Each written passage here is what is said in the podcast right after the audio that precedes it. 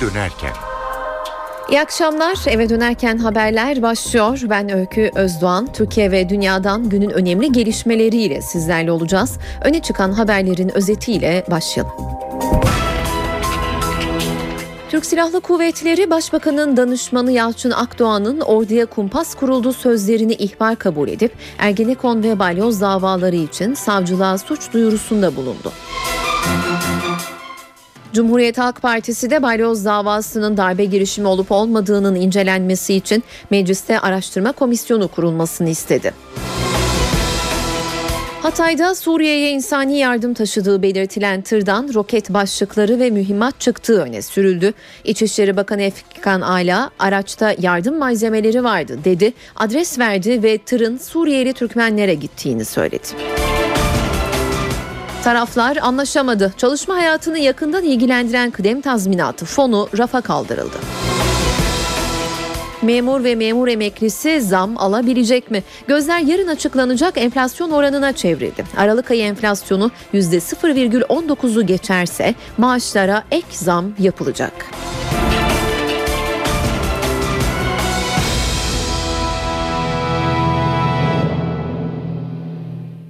Başbakanın baş danışmanı Yalçın Akdoğan paralel devlet iddialarını dile getirirken orduya kumpas kuruldu dedi. Türk Silahlı Kuvvetleri, Ergenekon ve Balyoz gibi kurum çalışanlarının yargılandığı davalar hakkında savcılığa suç duyurusunda bulundu. Genelkurmay'ın Ankara Cumhuriyet Başsavcılığına sunduğu dilekçede çarpıcı ifadeler kullanıldı. Ayrıntıları NTV muhabiri Gökhan Gerçek'ten alacağız. Gökhan o dilekçede neler söylendi ve Silahlı Kuvvetleri bu davalarla ilgili ne talep ediyor? Evet AK Parti hükümetine darbe iddiasıyla açılmış iki davada çok sayıda emekli ve muvazzaf asker yargılanıldı. Yüzlercesi gözaltına alındı. Birçoğu tutuklandı. Yargıtay tarafından cezaları onananlar var. Ama bu başvuru dilekçesi Balyoz ve Ergenekon sil baştan mı soruları akıllara getirdi. E, Genelkurmay Balyoz ve Ergenekon davalarında orduya kumpas kuruldu iddiaları için Ankara Cumhuriyet Başsavcılığına başvuruda bulundu. E, senin de söylediğin gibi kumpas iddiası ilk olarak Başbakanın Başdanışmanı Yalçın Akdoğan tarafından dile getirildi. Devlette paralel yapı tartışması sürerken Akdoğan milli orduya kumpas kuruldu dedi ve e, belli bir yapılanmaya dikkat çekti ve komuta kademisi duyduğu rahatsızlığı Milli Güvenlik Kurulu'nda dile getirildi.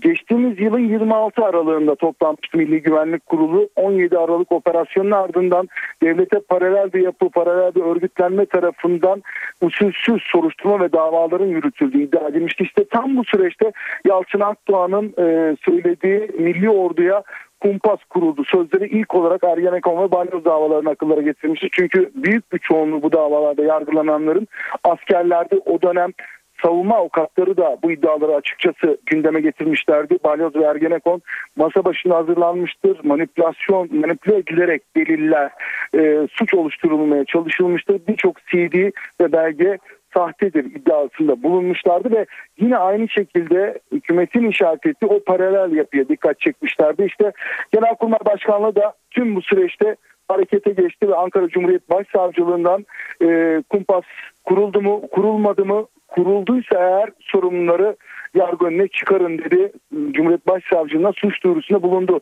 Suç duyurusunda Bayaz Ergenekon gibi Türk Silahlı Kuvvetleri'nin muvazzaf ve emekli personelinin yargılandığı davalarda silahlı kuvvetlerine hedef alacak şekilde suç delilleri üretildiği savunuldu. Davalarda görev yapan adli kolluk, polis ve jandarma, savcı ve hakimlerin yargılamada savunmanın görüşlerini dikkate almadığı, suç delillerini manipüle ettiği görüşleri de yine suç duyurusu dilekçesinde yer aldı. Ankara Cumhuriyet Başsavcı Vekili Fethi Şimşek tarafından bizzat incelenen bir belge olduğunu söyleyebiliriz suç duyurusunun.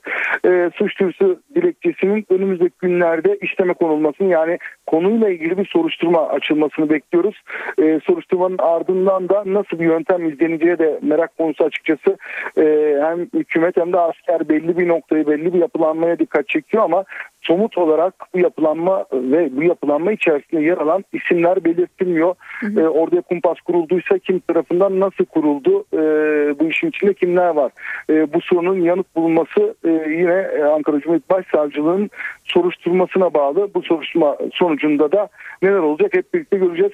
Hatırlatmakta fayda var. Balyoz davasının aralarında kuvvet komutanlarının da bulunduğu emekli ve muazzaf 361 asker yargılandı. Usulsüz soruşturma, manipülasyon ve delil üretme iddialarını damgasını vurduğu davada 237 aralarında kuvvet komutanlarında bulunduğu 237 emekli ve muazzaf asker e, ceza aldı. Bu ceza yargıtayca onandı. E, Balyoz gibi AK Parti hükümetini darbe iddiasıyla açılan Ergenekon davasında da e, eski Genelkurmay Başkanı İlker Başbuğ'un da aralarında bulunduğu çok sayıda emekli ve muazzaf asker yargılandı. Başbuğ'un ağırlaştırılmış müebbet hapiste cezalandırdığı e, dava şu an için Yargıtay'da temiz aşamasında. Evet bu her iki davada yönlendirmeyle mi açıldı yoksa bir kurgu mu? İşte bunu araştıracak Ankara Cumhuriyet Başsavcılığı hangi sonuca ulaşacak hep birlikte göreceğiz. Öykü. Teşekkürler Gökhan. NTV muhabiri Gökhan Gerçek telefon hattımızdaydı.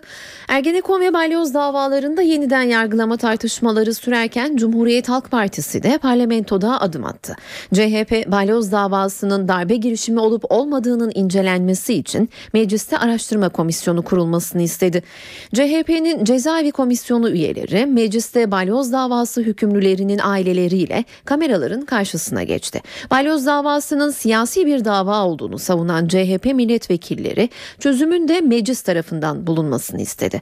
Meclis Başkanlığı'nın araştırma komisyonu kurulması için önerge veren CHP'liler Genelkurmay Başkanı Necdet Özel'e de orduya yönelik kumpası yönetemeyen Genelkurmay Başkanı orduyu da yönetemez ifadeleriyle tepki gösterdi.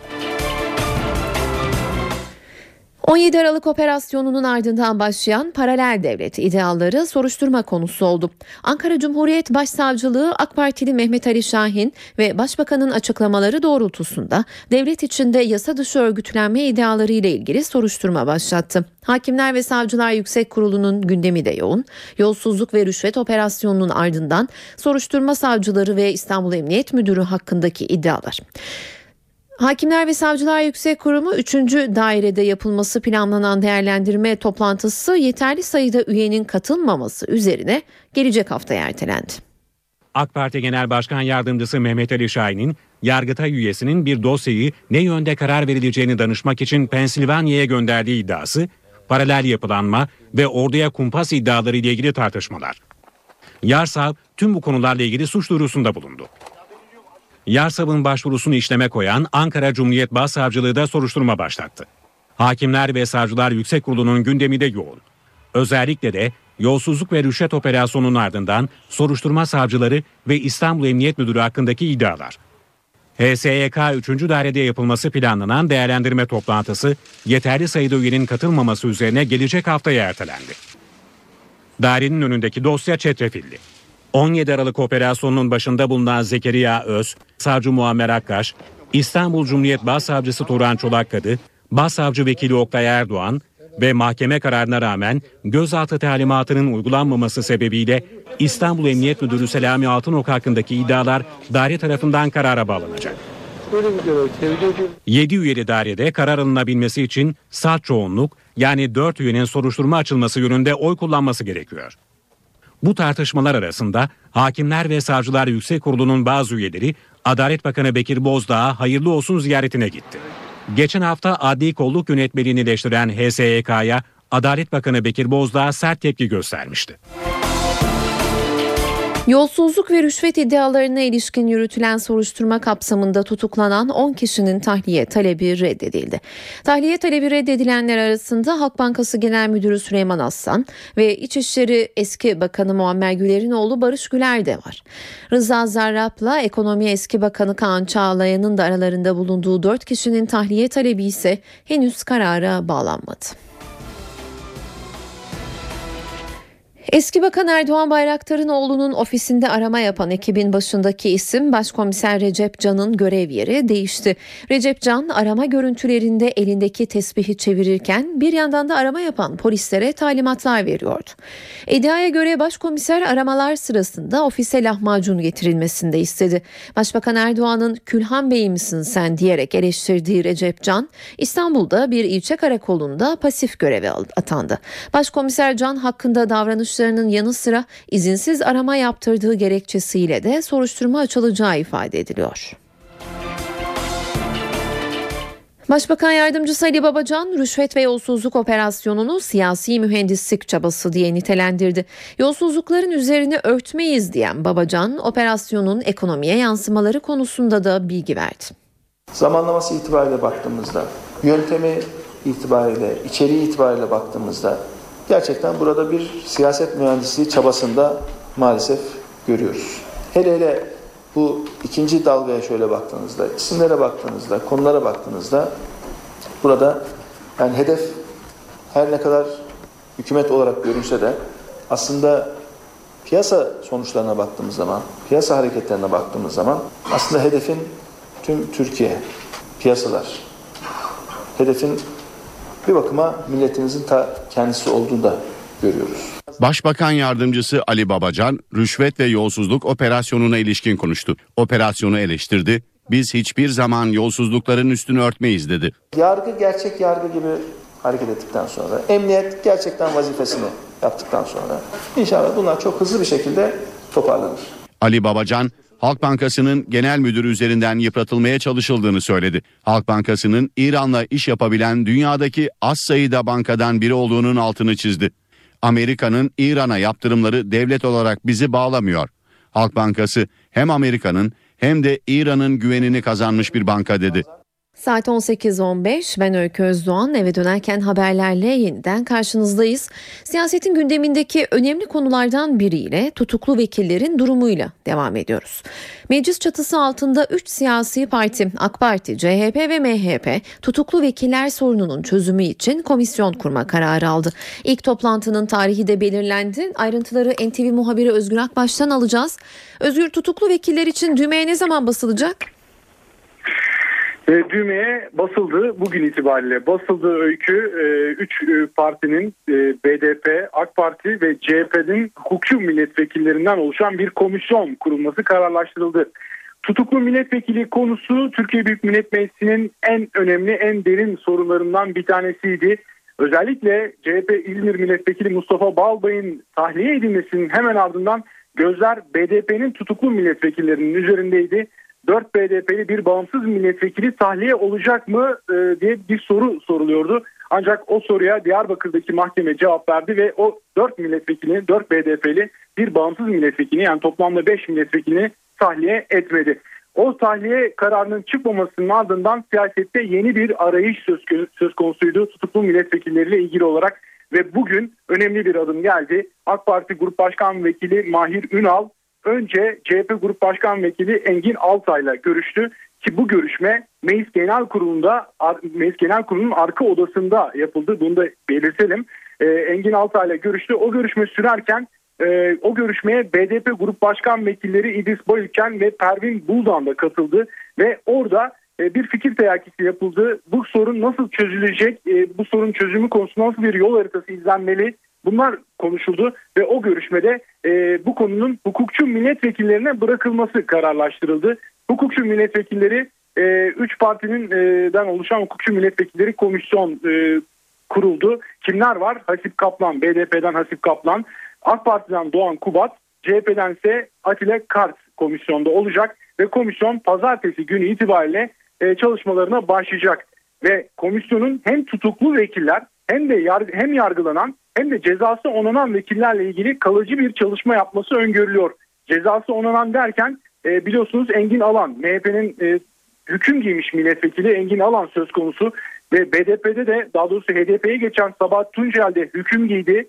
Daha doğrusu cezası onandı. İşte o iki ismin de e, sadece o iki isim değil 5 e, tutuklu milletvekili BDP'nin e, 4 bir tane de bağımsız milletvekili olmak üzere 5 tutuklu milletvekilinin toplamda 7 milletvekilinin durumunun çözümü için bir çalışma yapacaklar. Pazartesi günü itibariyle bu çalışma başlayacak.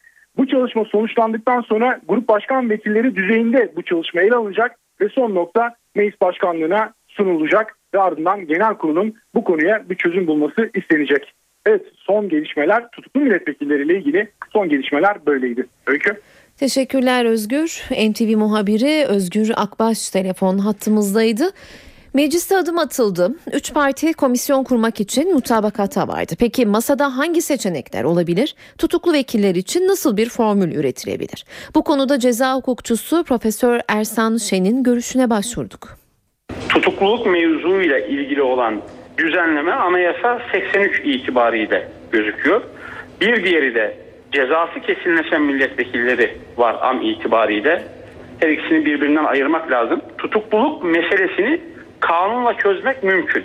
Bir diğer nokta ise an itibariyle e, tutuklama tedbiri bakımından düşündüğümüzde e, tabii ki e, süre üzerinden gidilebilir. O süre üzerinden gidilme konusunda anayasa değişikliğine ihtiyaç bulunmayacaktır.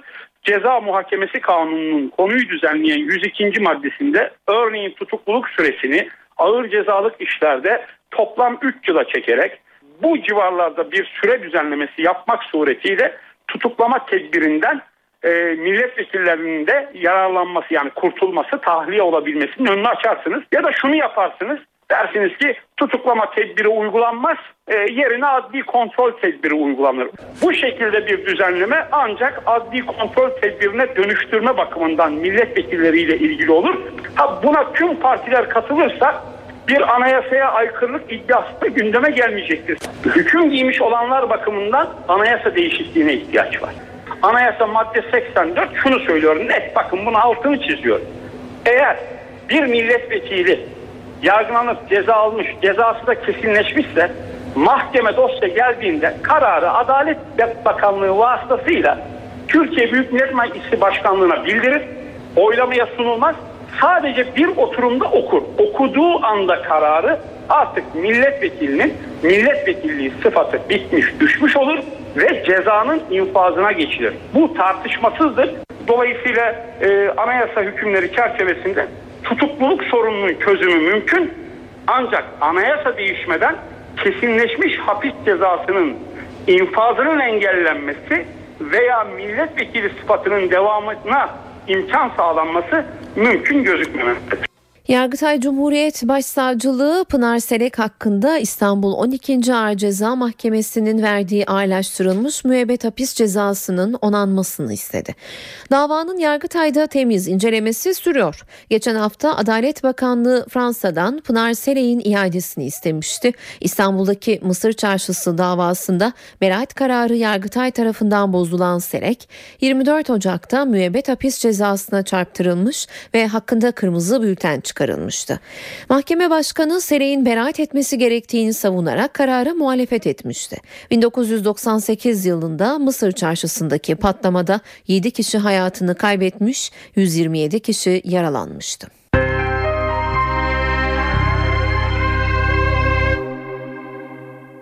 Adana'da iki ay önce boş havan topu mermileriyle yakalanan tırın ardından benzer haber Hatay'dan geldi. Suriye'ye insani yardım taşıdığı belirtilen tırdan roket başlıkları ve mühimmat çıktığı öne sürüldü. İçişleri Bakanı Efkan Ala iddiayı yalanladı. Araçta yardım malzemeleri vardı dedi ve adres verdi.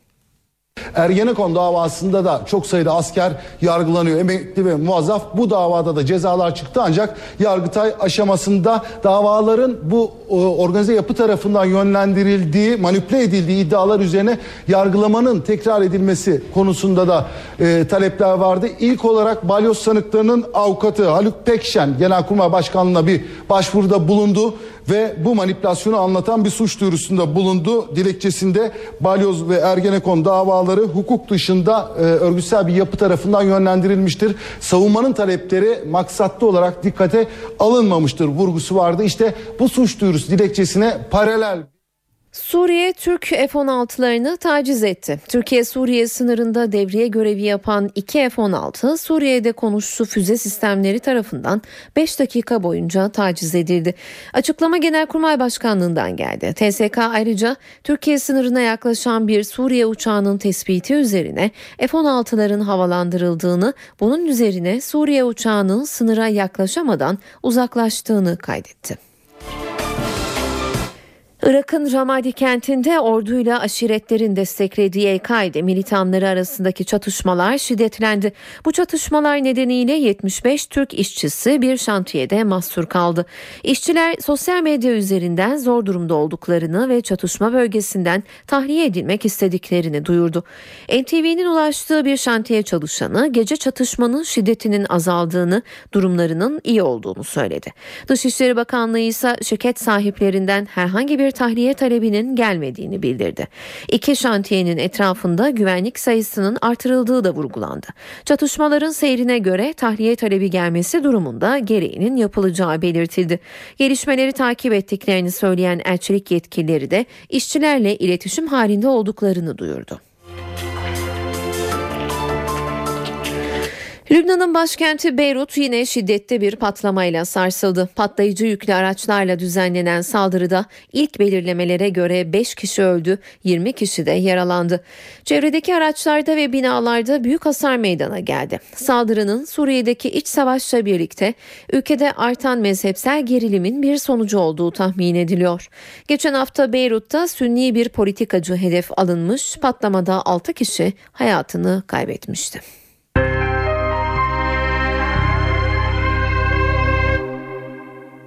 Memur ve memur emeklisinin gözü yarın açıklanacak olan Aralık ayı enflasyonuna çevrildi. Aralık ayı enflasyonu %0,19'u geçerse memur ve memur emeklileri küçük oranda da olsa ek zam alacak. İşçi ve esnaf emeklilerinin maaşı ise Aralık ayı rakamıyla kesinleşecek 6 aylık enflasyon oranında artacak. Memur, sözleşmeli personel ve milyonlarca emekli Aralık ayı enflasyon rakamını bekliyor. 3 Ocak'ta açıklanacak rakama göre memur, sözleşmeli personel ve memur emeklileri enflasyon farkından kaynaklı ek zam alabilecek. İşçi ve esnaf emeklilerinin maaşı ise Aralık ayı rakamıyla kesinleşecek 6 aylık enflasyon oranında artacak. Memur, sözleşmeli personel ve memur emeklilerinin maaşı 2013'ün ikinci yarısında %3 oranında zamlandı. 2013 yılının Temmuz-Kasım dönemindeki 5 ayda enflasyon %2,8 oldu. 6 aylık enflasyon %3 aşarsa yasa gereği memur, sözleşmeli personel ve memur emeklilerine ek zam yapılacak. Aralık ayı enflasyonu %0,19 aşarsa memur, sözleşmeli personel ve memur emeklilerine enflasyon farkı zammı verilecek. Enflasyon zammının hak edilmesi halinde bu yılın Ocak ayındaki maaşlara bu oran eklenecek. İşçi ve esnaf emeklileri de Aralık ayı enflasyonuna göre zam alacak. İşçi ve esnaf emeklilerinin maaşı bir önceki 6 ayda gerçekleşen enflasyon kadar artıyor. 2013'ün son 5 ayında %2,8 olan enflasyona Aralık ayı rakamı da eklenerek işçi ve esnaf emeklilerinin yeni maaşları belli olacak. Çalışma hayatını yakından ilgilendiren kıdem tazminatı fonu çalışması rafa kalktı.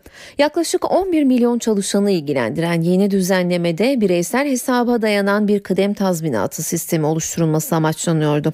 Fakat tarafların uzlaşamaması sonucunda kıdem tazminatında yapılması öngörülen düzenlemeler rafa kalktı.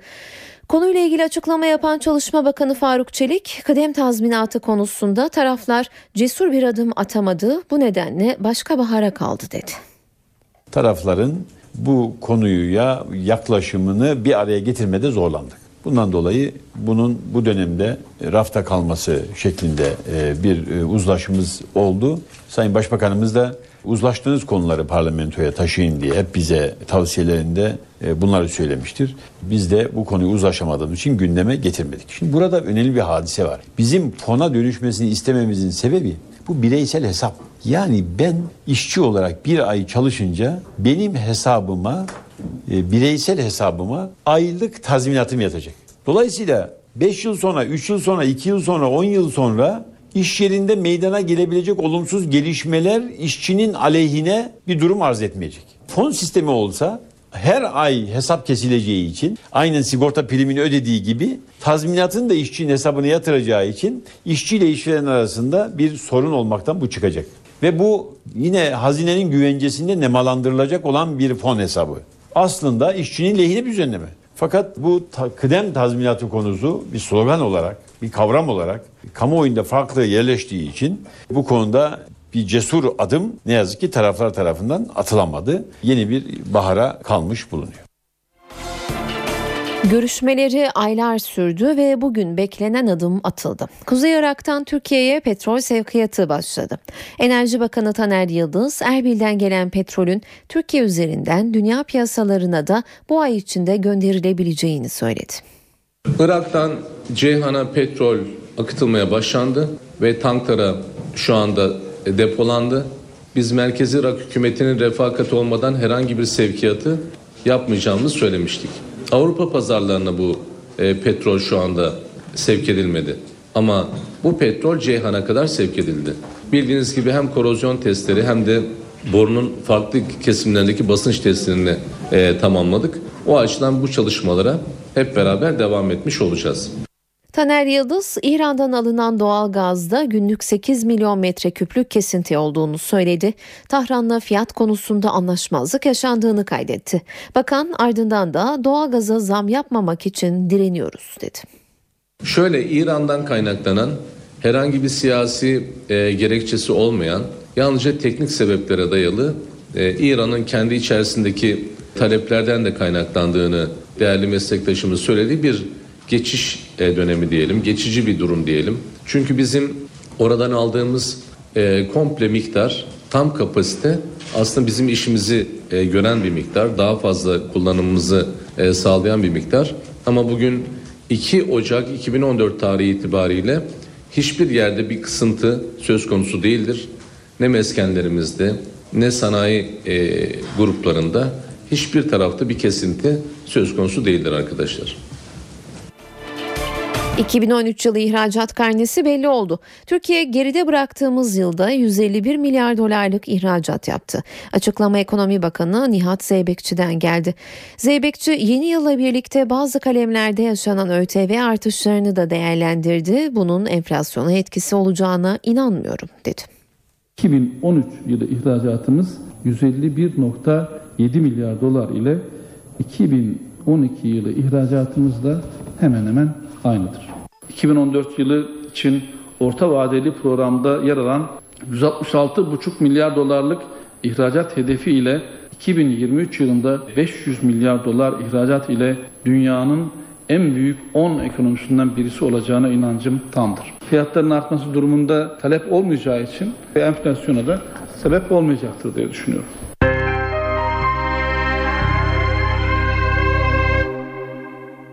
Amasya'da öğrencilerine Sünni ve Alevi evliliğinin cezalandırılacağını söylediği iddia edilen öğretmenle ilgili inceleme başlatıldı. İddiaya göre din kültürü ve ahlak bilgisi öğretmeni öğrencilere bir Sünni Alevi ile evlenirse 140 kırbaç cezasıyla cezalandırılır, çocuk yaparsa ölür dedi. Velilerin şikayeti üzerine İl Milli Eğitim Müdürlüğü ve Gümüş Hacıköy Kaymakamlığı tarafından inceleme başlatıldı. Okul müdürü Yakup Doluyer ise bunların hepsi duyum, öğretmenin bir suçu yok dedi. 30 Mart'ta yapılacak yerel seçime 25 siyasi parti katılacak. Yüksek Seçim Kurulu'nun resmi gazetede yayımlanan kararında siyasi partilerin seçimlere katılabilmeleri için illerin en az yarısında oy verme gününden en az 6 ay önce teşkilat kurmaları ve büyük kongrelerini yapmış olmaları veya mecliste gruplarının bulunması gerektiği belirtildi. Buna göre 30 Mart'ta yapılacak seçime 25 siyasi parti katılacak.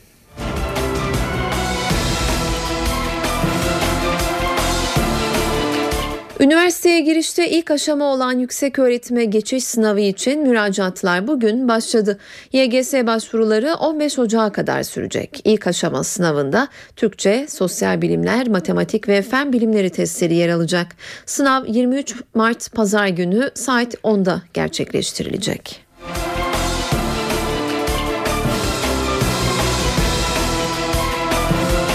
Üniversiteye geçiş sınavlarına başvuranların yapı, başvuruların yapıldığı gün ÖSYM sınavlarında öğrencilerin yerine başkalarını sokup kazandıran suç örgütü çökertildi. İzmir merkezli operasyon kapsamında pek çok ilde eş zamanlı gerçekleşen operasyonda 9 kişi gözaltına alındı. Çetenin sınava giren kişilere 5 bin lira para verdikleri, yerlerine sınava girilen öğrencilerdense 10 bin ila 15 bin dolar arasında para aldıkları belirlendi. Şebeke üyelerinin bu yolla 1,5 1,5 milyon lira haksız kazanç elde ettiği tespit edildi. Saat 18.36 eve dönerken haberlerle yeniden karşınızdayız. Simav çayındaki kirlilik iddiası inceleme konusu oldu. Çevre ve Şehircilik Bakanlığı Balıkesir'e bir ekip gönderdi ve çaydan numune alındı. Alınan numunenin bakanlık laboratuvarında analiz edileceği belirtildi. Çıkacak sonuca göre kirliliğe sebebiyet veren işletmelere idari yaptırım uygulanabilir. Yöre sakinleri mezbaadan salındığı iddia edilen kan yüzünden çayırın renginin değiştiğini iddia ediyor. İstanbul Kocaeli arasını 22 dakikaya indiren deniz uçağı seferleri başladı. İlk uçuş bugün yapıldı. Deniz uçağıyla uçmanın bedeli en düşük 97 lira.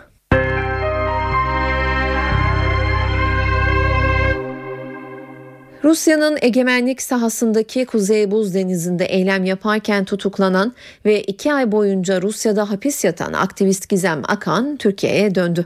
Gizem hapishane günlerini ve ses getiren eylemlerini NTV'ye anlattı. Hiç pişmanlık yaşamadım dedi. Gemiye gitmemden, bu kampanya için mücadele etmekten asla pişman olmadım. Ama tabii ki ilk günlerde hani bu desteğin farkında değildim. Korsanlık dediler, 15 yıl dediler ve bizi bir hücreye koydular ve hiç kimsenin haber alamadım. Evet ben 15 yıl buradayım. Korkusunu o zaman yaşadım ama pişmanlık hayır. O zaman Greenpeace eylemcisi Gizem Akan Rusya'da tutuklu geçirdiği iki ayı böyle anlattı. Eylem başarıya ulaştı dedi. milyonlarca insan artık biliyor Kuzey Kutbu'nda neler oluyor. Kuzey Kutbu'nu belki de dünya kliması gibi düşünmek lazım ve petrol e, fosil yakıt kullanımı e, küresel ısınmaya neden oluyor. O da buzulları eritiyor ve petrol şirketleri maalesef bunu bir fırsat olarak değerlendiriyor. Artık dur dememizin vakti geldi ve bence biz de bunu başardık. Akan tutukluluğu boyunca Türk diplomatlardan destek gördüğünü söyledi. Dışişleri bir mektup göndermiş e, Rusya'nın Dışişleri Bakanı'na. Bunu duydum destek olarak. Onun dışında e, St. Petersburg Başkonsolosu hep yanımda oldu.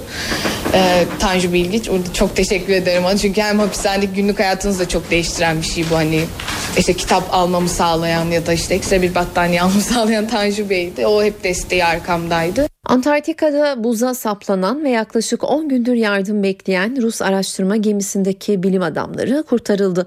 Çin'e ait bir helikopter gemideki 52 araştırmacıyı aşamalı olarak taşımayı başardı. 52 kişi Avustralya'ya ait buz kırma gemisine sevk edildi. 22 kişilik mürettebatın ise şimdilik gemide kalacağı kaydediliyor. Yeni Zelanda'dan yola çıkan araştırma gemisi sert rüzgarla sürüklenmiş ve 24 Aralık'ta buza saplanmıştı. Kayak yaparken geçirdiği kaza sonucu komaya giren efsanevi pilot Michael Schumacher'in durumunda değişiklik yok. Schumacher'in koma durumu devam ediyor. Ünlü pilot ölüm kalım savaşı verirken şimdi de kazan, kazanın nasıl meydana geldiği konusunda tartışma yaşanıyor. Schumacher'in düşen bir arkadaşına yardım etmek için pist dışına çıktığı öne sürülüyor. Fransa'daki Meribel Kayak Merkezi'nde kaza geçiren Alman Formula 1 şampiyonu Michael Schumacher'in durumu ciddiyetini koruyor. İlk günlerde Schumacher'in sağlık durumuna odaklanan medya şimdi kazanın oluş nedenini araştırıyor. Tartışmayı başlatan isim Schumacher'in basın sözcüsü Sabine Keim. Keim, normal parkur üzerinde kayak yapan Schumacher'in pist dışında düşen bir arkadaşına yardım etmek isterken kaza yaptığını söyledi. Kaza ile ilgili soruşturmayı yürüten Albertville Cumhuriyet Savcılığı ise kazanın Schumacher'in basın sözcüsünün iddia ettiği gibi hıza bağlı olmadığı konusunda henüz görüş belirtemeyeceğini söylüyor. Schumacher'in kaskı da bir başka tartışma konusu.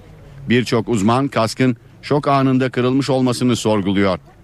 Bu arada bir medya mensubunun rahip kılığına girerek Schumacher'in tedavi gördüğü Grenoble Hastanesi yoğun bakım bölümüne girmek isterken yakalanmasının ardından medya mensupları hastane kapısının önünden uzaklaştırıldı.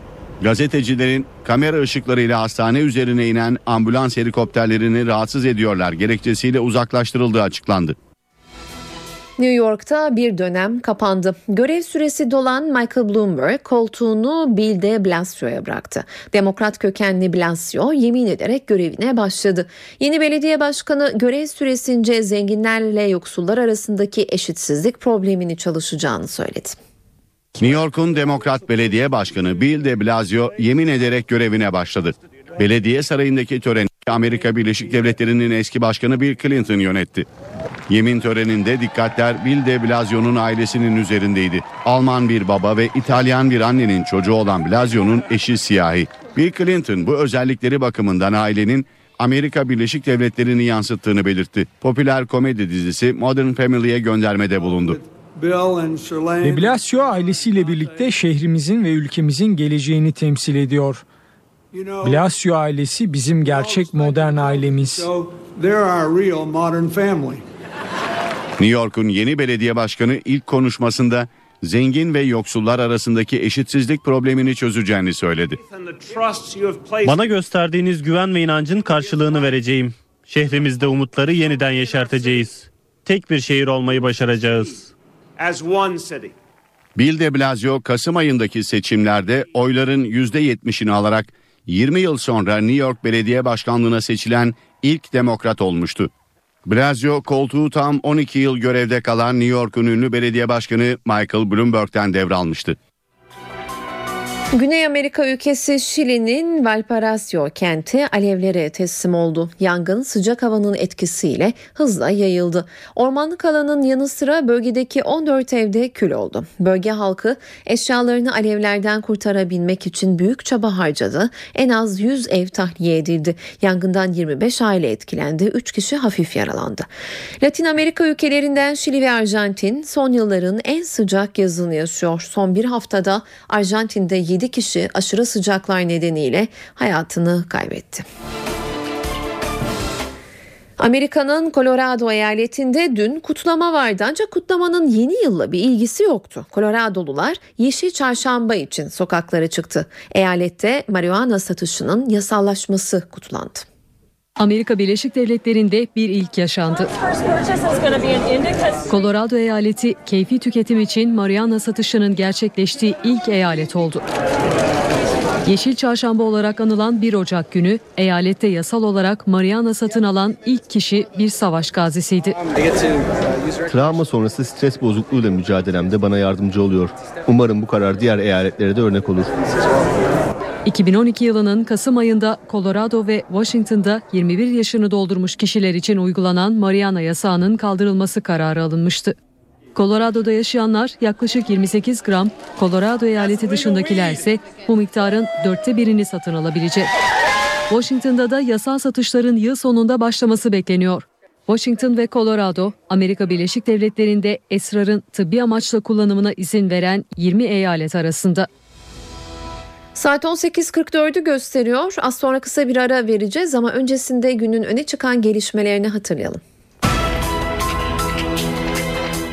Türk Silahlı Kuvvetleri Başbakanın danışmanı Yalçın Akdoğan'ın orduya kumpas kuruldu sözlerini ihbar kabul edip Ergenekon ve balyoz davaları için savcılığa suç duyurusunda bulundu. Cumhuriyet Halk Partisi balyoz davasının darbe girişimi olup olmadığının incelenmesi için mecliste araştırma komisyonu kurulmasını istedi. Hatay'da Suriye'ye insani yardım taşıdığı belirtilen tırdan roket başlıkları ve mühimmat çıktığı öne sürüldü. İçişleri Bakanı Efkan Ala araçta yardım malzemeleri vardı dedi, adres verdi ve tırın Suriyeli Türkmenlere gittiğini söyledi. Taraflar anlaşamadı. Çalışma hayatını yakından ilgilendiren kıdem tazminatı fonu rafa kaldırıldı.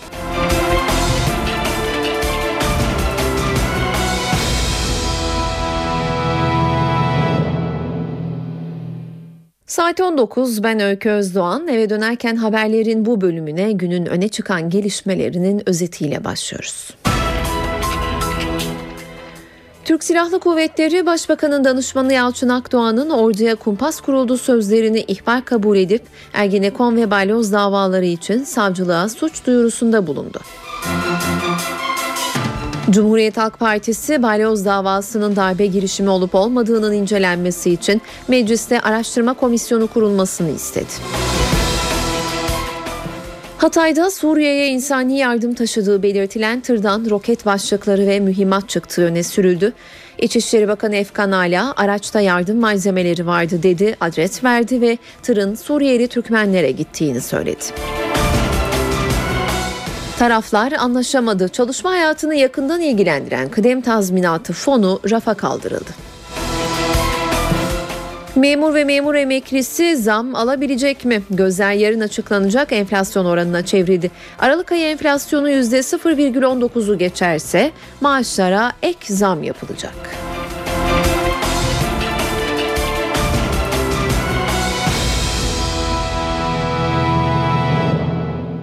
Genelkurmay Başkanlığı, Balyoz ve Ergenekon gibi silahlı kuvvetler mensuplarının yargılandığı davalar hakkında Ankara Cumhuriyet Başsavcılığına suç duyurusunda bulundu. Genelkurmay'ın suç duyurusunda Balyoz ve Ergenekon gibi davalarda Türk Silahlı Kuvvetleri'ni hedef alacak şekilde suç delilleri üretildiği, Davalarda görev yapan adli kolluk, savcı ve hakimlerin yargılamada savunmanın görüşlerini dikkate almadığı, suç delillerini manipüle ettiği gibi suçlamalara yer verildi. Suç duyurusu dilekçesini inceleyen Ankara Cumhuriyet Başsavcılığı'nın iddialarla ilgili soruşturma başlatması bekleniyor. Türkiye Büyük Millet Meclisi'nde tutuklu milletvekili sorununun çözümü adına bir kez daha formül aranıyor. MHP'nin kapıları kapattığı çözüm formülü için AK Parti, CHP ve BDP'li grup başkan vekilleri bir araya geldi ve bir komisyon kurulması kararı alındı. Komisyon pazartesi günü bir araya gelecek ve hem yargılamaları devam eden hem de MHP'li Engin Alan ve HDP'li Sebahat Tuncer gibi cezası kesinleşen milletvekilleriyle ilgili kalıcı bir çözüm aranacak. Komisyonun çalışması daha sonra grup başkan vekillerine nihai şekli verildikten sonra da Meclis Başkanı Cemil Çiçek'e sunulacak. Eski Emniyet Müdürü Hanefi Avcı yazdığı kitap nedeniyle hakkında verilen iki kez devlet memurluğundan ihraç ve altı kez meslekten men cezasının kaldırılması talebiyle İçişleri Bakanlığı'na başvurdu. Hanefi Avcı'nın avukatının başvuru dilekçesinde Avcı'nın kitabında ifade ettiği iddialar Başbakan Erdoğan'ın açıklamalarıyla sabit hale gelmiştir denildi.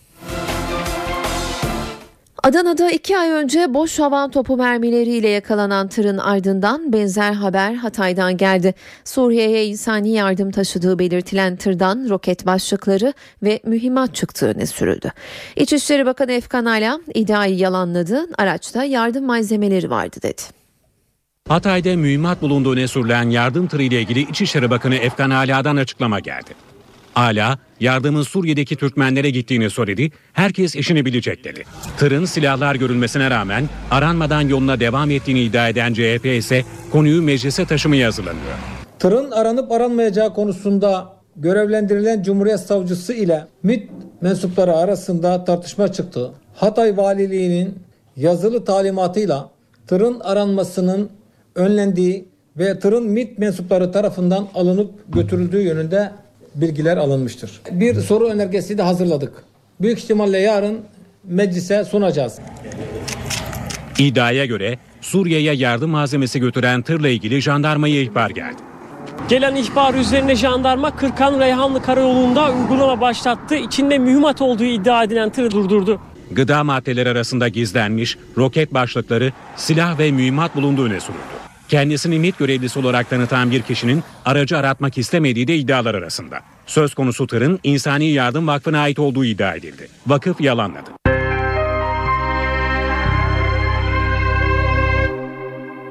Yeni yıl zamlarla geldi. Binek otomobil, sigara, içki ve cep telefonu özel tüketim vergisi artırıldı. Peki zamlardaki artışlar fiyatlara nasıl yansıyacak? Yanıtı haberimizde. Türkiye yeni yıla zamlarla girdi. Otomobil, içki, sigara ve cep telefonunda özel tüketim vergisi artırıldı. Otomobil fiyatları yükselecek. 2000 motoru aşan otomobillerin ÖTV'si %130'dan %145'e, 1600 motor üstü araçlarınki %80'den %90'a, 1600 motor altındaki otomobillerin ÖTV'si ise %40'tan %45'e çıktı. Özellikle beklemiyorduk. Aa, sürpriz olan bir durum söz konusu oldu. Normalde kurdan dolayı oluşacak farkları bekliyorduk ama ÖTV dediğim gibi sürpriz oldu bizim için de. Yeni yıla yeni otomobille başlamak isteyenler biraz üzülecek. Çünkü Bakanlar Kurulu ÖTV'yi %5, %10, %15 oranında arttırdı. İthal araçlar için kur farkı hesaba katıldığında otomobil fiyatları daha da artacak. Sürpriz ÖTV zamlarıyla cep telefonunda adet başına uygulanan 100 liralık vergi de 120 liraya yükseltildi. Sigaradaki indirimin ömrü de kısa sürdü. Yeni zamların ardından en ucuz sigaranın fiyatı 6 lira oldu. Ve alkollü içkiler. Biranın vergisi %14 arttı. Yeni zamlarla 55 liraya satılan 70'lik rakının fiyatı ise 58 lira olacak. Memur ve memur emeklisinin gözü yarın açıklanacak Aralık ayı enflasyonuna çevrildi. Aralık ayı enflasyonu %0,19'u geçerse memur ve memur emeklileri küçük oranda da olsa ek zam alacak. İşçi ve esnaf emeklilerinin maaşı ise Aralık ayı rakamıyla kesinleşecek 6 aylık enflasyon oranında artacak. Memur, sözleşmeli personel ve milyonlarca emekli Aralık ayı enflasyon rakamını bekliyor. 3 Ocak'ta açıklanacak rakama göre memur, sözleşmeli personel ve memur emeklileri enflasyon farkından kaynaklı ek zam alabilecek. İşçi ve esnaf emeklilerinin maaşı ise Aralık ayı rakamıyla kesinleşecek 6 aylık enflasyon oranında artacak. Memur, sözleşmeli personel ve memur emeklilerinin maaşı 2013'ün ikinci yarısında %3 oranında zamlandı. 2013 yılının Temmuz-Kasım dönemindeki 5 ayda enflasyon %2,8 oldu.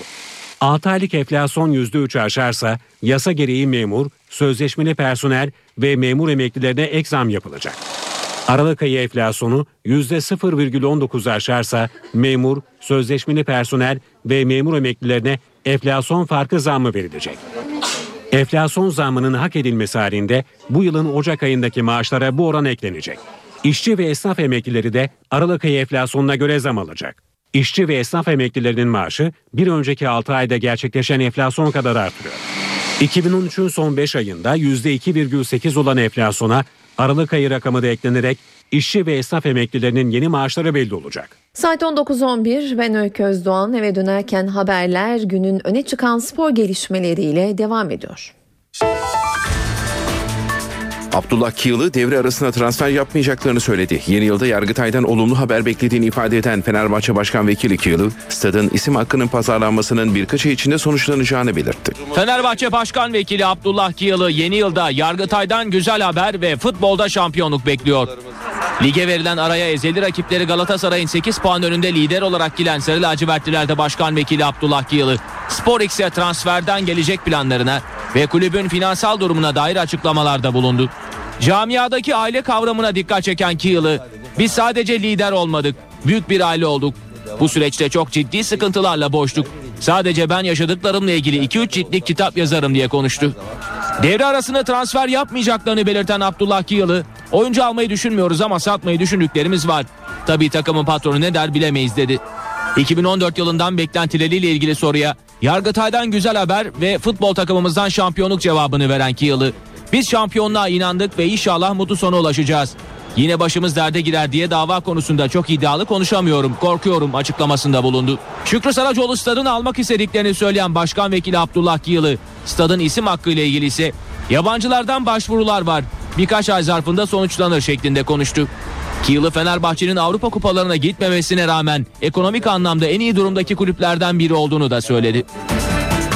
Fenerbahçe'de teknik direktör Ersun Yanal'ın sözleşme uzatıp uzatmayacağı merak konusu. Sarı lacivertli yönetim deneyimli teknik adama yeni teklif sunmayı düşünüyor. Yanalsa önceliğim şampiyonluk, sözleşme daha sonra diyor. Sezon başında Fenerbahçe'ye bir yıllık imza atan teknik direktör Ersun Yanal'ın performansı merakla bekleniyordu. Süper Kupa'nın Galatasaray'a kaptırılması ve ligin ilk haftasında alınan Torku Konya Spor yenilgisi camiada soru işaretleri yaratmıştı. Ancak sezon ilerledikçe Ersun Yanal takımın kontrolünü ele aldı ve ligin en fazla gol atan en tehlikeli takımını oluşturdu. Oyuncularıyla iletişimini üst seviyede tutan, takımı bilimsel yollarla çalıştırarak zirveye taşıyan Yanal camiada takdir topladı. Yanal'ın bu başarısı hocayla ne zaman sözleşme yenilenecek sorularını da gündeme getirdi. Son bir aydır sıkça konuşulan bu konu Fenerbahçe yönetiminin de gündemine geldi. Yanal'ın sözleşmesini uzatmak isteyen yönetimin ligin ikinci yarısında deneyimli teknik adama teklif sunması bekleniyor. Öte yandan Ersun Yanal sözleşmenin esas konu olmadığını her fırsatta dile getiriyor. Deneyimli teknik adam yakın çevresine tek düşüncem şampiyonluk, sözleşme sonraki konu ifadelerini kullanıyor. Fenerbahçe Başkanı Aziz Yıldırım'ın sözleşmesi 5 ay sonra bitecek Yanal'ın hem saha içi performansı hem de saha dışındaki birleştiriciliğinden memnun olduğu biliniyor.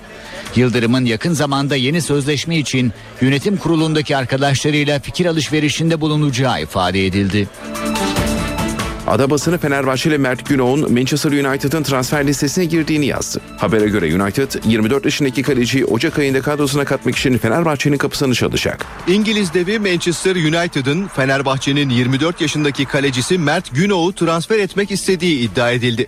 Ada basınından Daily Star gazetesinin haberine göre Manchester United takımdan ayrılması gündemde olan ikinci kaleci Danimarkalı Andres Lindegaard'ın yerine Mert Günok'u düşünüyor.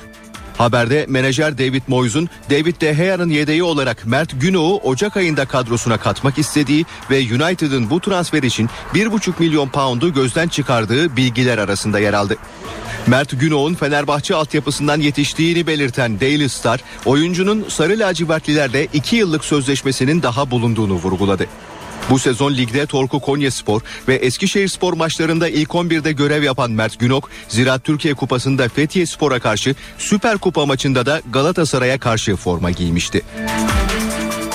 Fenerbahçe en golcü Avrupa takımları listesine girmeyi başardı. Sarı lacivertliler ilk devrede attığı 43 golle Avrupa'nın en golcü 10. takımı oldu. Fenerbahçe bu sezon adeta bir gol makinesine dönüştü. Spor Toto Süper Lig'in ilk yarısında tam 43 kez rakip fileleri havalandıran Sarı Lacivertli ekip sadece Türkiye'nin en golcü takımı olmakla kalmadı.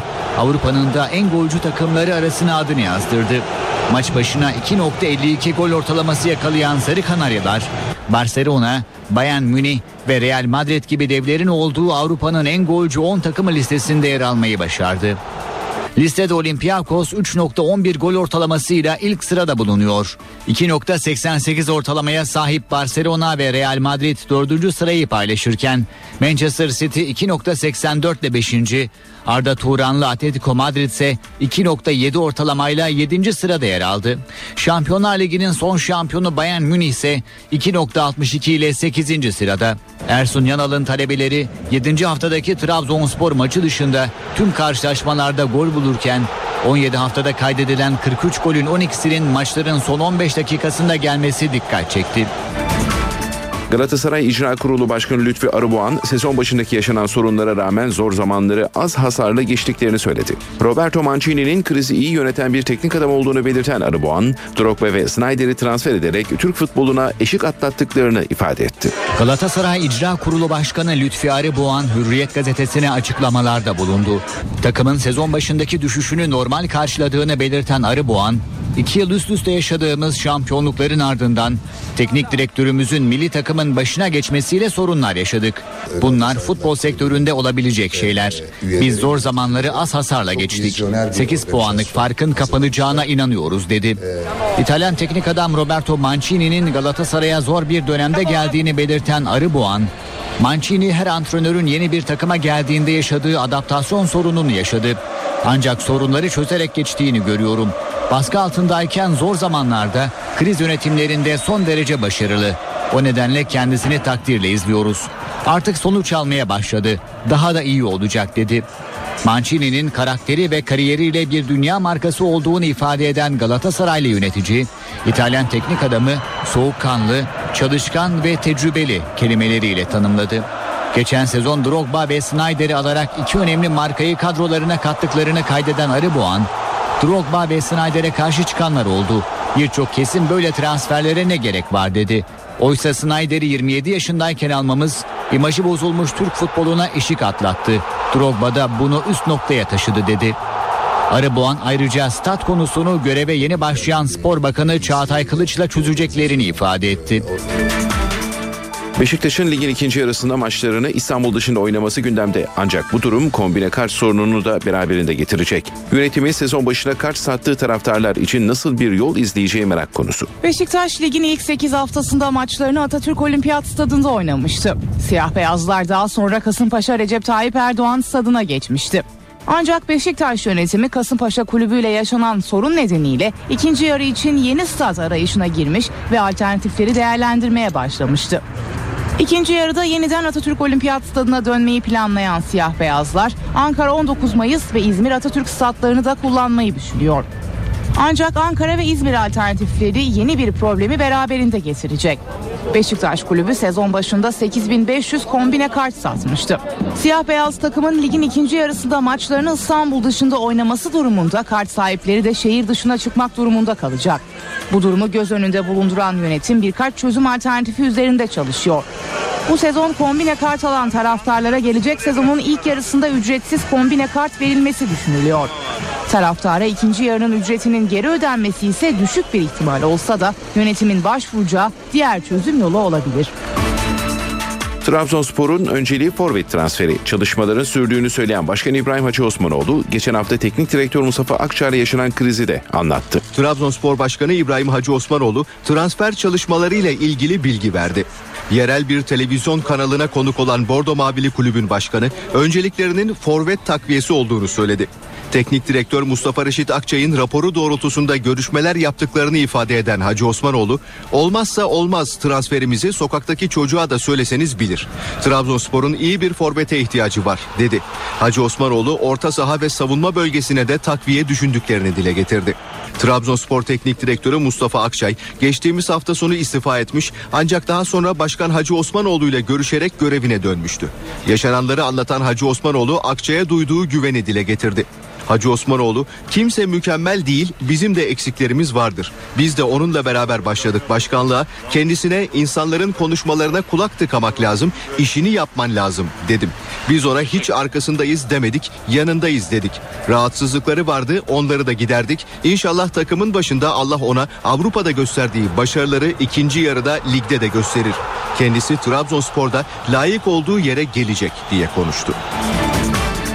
Kayseri Spor'da teknik direktör arayışı sürüyor. Sarı Kırmızılı Kulüpte öncelik takımın başına Türk bir teknik adam getirmek. Kayseri Spor Genel Menajeri Süleyman Hurma, NTV Spor'a yaptığı açıklamada yeni bir teknik direktör için henüz bir isimde karar kılmadıklarını söyledi. Robert Prosneichki'nin sözleşmesinin feshedilmesi için resmi işlemlerin sürdüğünü ifade eden Hurma, transfer dönemi olduğu için birçok isimle kulübümüzün adı geçiyor. Hızlı bir şekilde takımın başına bir hoca getirmemiz, devre arası kampını yetiştirmemiz gerekiyor. Kayseri Spor camiası merak etmesin. Takımımızı yukarılara taşıyacak yerli bir hocayla yolumuza devam edeceğiz dedi. Euroleague'de top 16 turu bugün oynanacak maçlarla başlayacak. Euroleague'de ülkemizi temsil eden 3 takımdan ikisi bugün ilk sınavlarına çıkacak. F grubunda yer alan Galatasaray Live Hospital, Abdi İpekçi Spor Salonu'nda İsrail takımı Maccabi Elektra'yı konuk edecek. 20'de başlayacak karşılaşma NTV Spor Smart'tan canlı yayınlanacak. E grubundaki temsilcimiz Anadolu Efes ise İspanya'da Barcelona ile karşı karşıya gelecek. 21.45'teki zorlu mücadele NTV Spor ve ntvspor.net'ten canlı yayınlanacak. Fenerbahçe Ülker ise yarın akşam deplasmanda Yunan ekibi Olympiakos Olympiakos'la karşı karşıya gelecek. Mücadele saat 21.30'a başlayacak ve NTV Spor Smart'tan canlı yayınlanacak. Euroleague'de 8'er takımın iki grupta mücadele ettiği Top 16 turunda gruplarında ilk 4 sıraya alan ekipler çeyrek finale yükselecek. La Liga'da averajda ikinci sırada yer alan Atletico Madrid kadrosuna takviye yaptı. İspanyol ekibi Metalist Karkiv'den Jose Ernesto Sosa'yı sezon sonuna dek kiralık olarak renklerine bağladı. Daha önce Bayern Münih'te ve Napoli takımlarına forma giyen Sosa, orta sahada ofansif oyuncu olarak görev yapıyor. 2011'den bu yana Ukrayna Ligi'nde Metalist Karkiv'de oynayan 28 yaşındaki futbolcu, La Liga'nın ikinci yarısında Atletico Madrid'in başarısı için ter dökecek. 19 kez Arjantin milli takımı formasını giyen Sosa, 2008 yılında Bayern Münih'le lig ve kupa şampiyonluğu yaşamıştı. Yaptığı müziklerle tüm Türkiye'nin sevgisini kazanan merhum sanatçı Barış Manço'nun bugün doğum günü. Türkiye'de Anadolu rock müziğin öncüleri arasında yer alan Barış Manço, sevenlerine 200'den fazla eser, televizyon programı ve film bıraktı. Biz de eve dönerken haberleri bu akşam usta sanatçının eserlerinden biriyle noktalıyoruz.